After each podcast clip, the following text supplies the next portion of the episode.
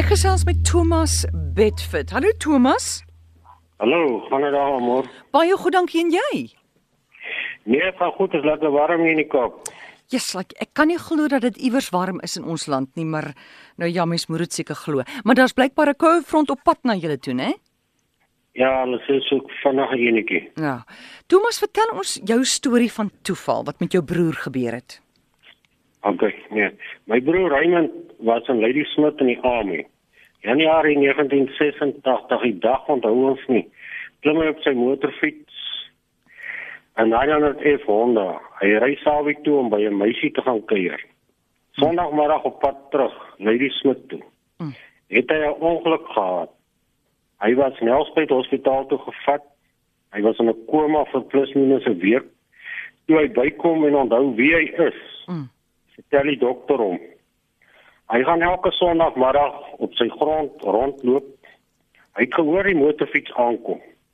Maar hy sien nie maar hy slek nie af vir die T-aansluiting wat voor hom is onder op sy plaas. My broer het die Chevron bord verbygevat oor 'n wal geren plus minus 23 meter deur die lug getrek binne 'n doringboom plantasie geval 'n paar meter van die dokter af. Dis 'n storie. Sjoe, maar vertel gou, hy het gedink daai Chevron bord is 'n lorry voor hom, né? Ja, hy hy, hy sê hy het gedink ons 'n lorry wat hy verbyvat. Hy gaan toe daar verby die Chevron bord en toe vertel gou vinnig weer wat het daar gebeur? Jy het 'n wal getref en toe ramp hy. Ja. En uh so toe trek hy nou deur die lug plus minus so 23 meter ver toe, toe val hy in daai doringboomplantasie.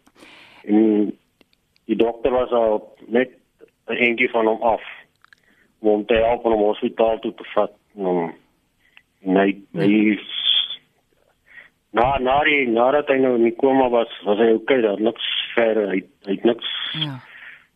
weet hy nie hy het nie skade gehad nie. Ja. Nou, dit was op die dokter se plaas. Die dokter was nou nie agter in die pad agter hom in 'n motor nie. Dit was sy groote groote plaas en hy was net op daai oomblik in daai spesifieke area. Né? Nee. Ja, hy, hy sê hy loop elke Sondag het gaan loop hy daar rond na Sondagmiddag ete. En goed is. En toe toe gebeur hierdie ongeluk en wragtig toe die dokter daar om te help. Ja, want as jy nou vat die dokter ja was nie Ja. ja. ons vandag nog na hom gesoek het. Yes, like.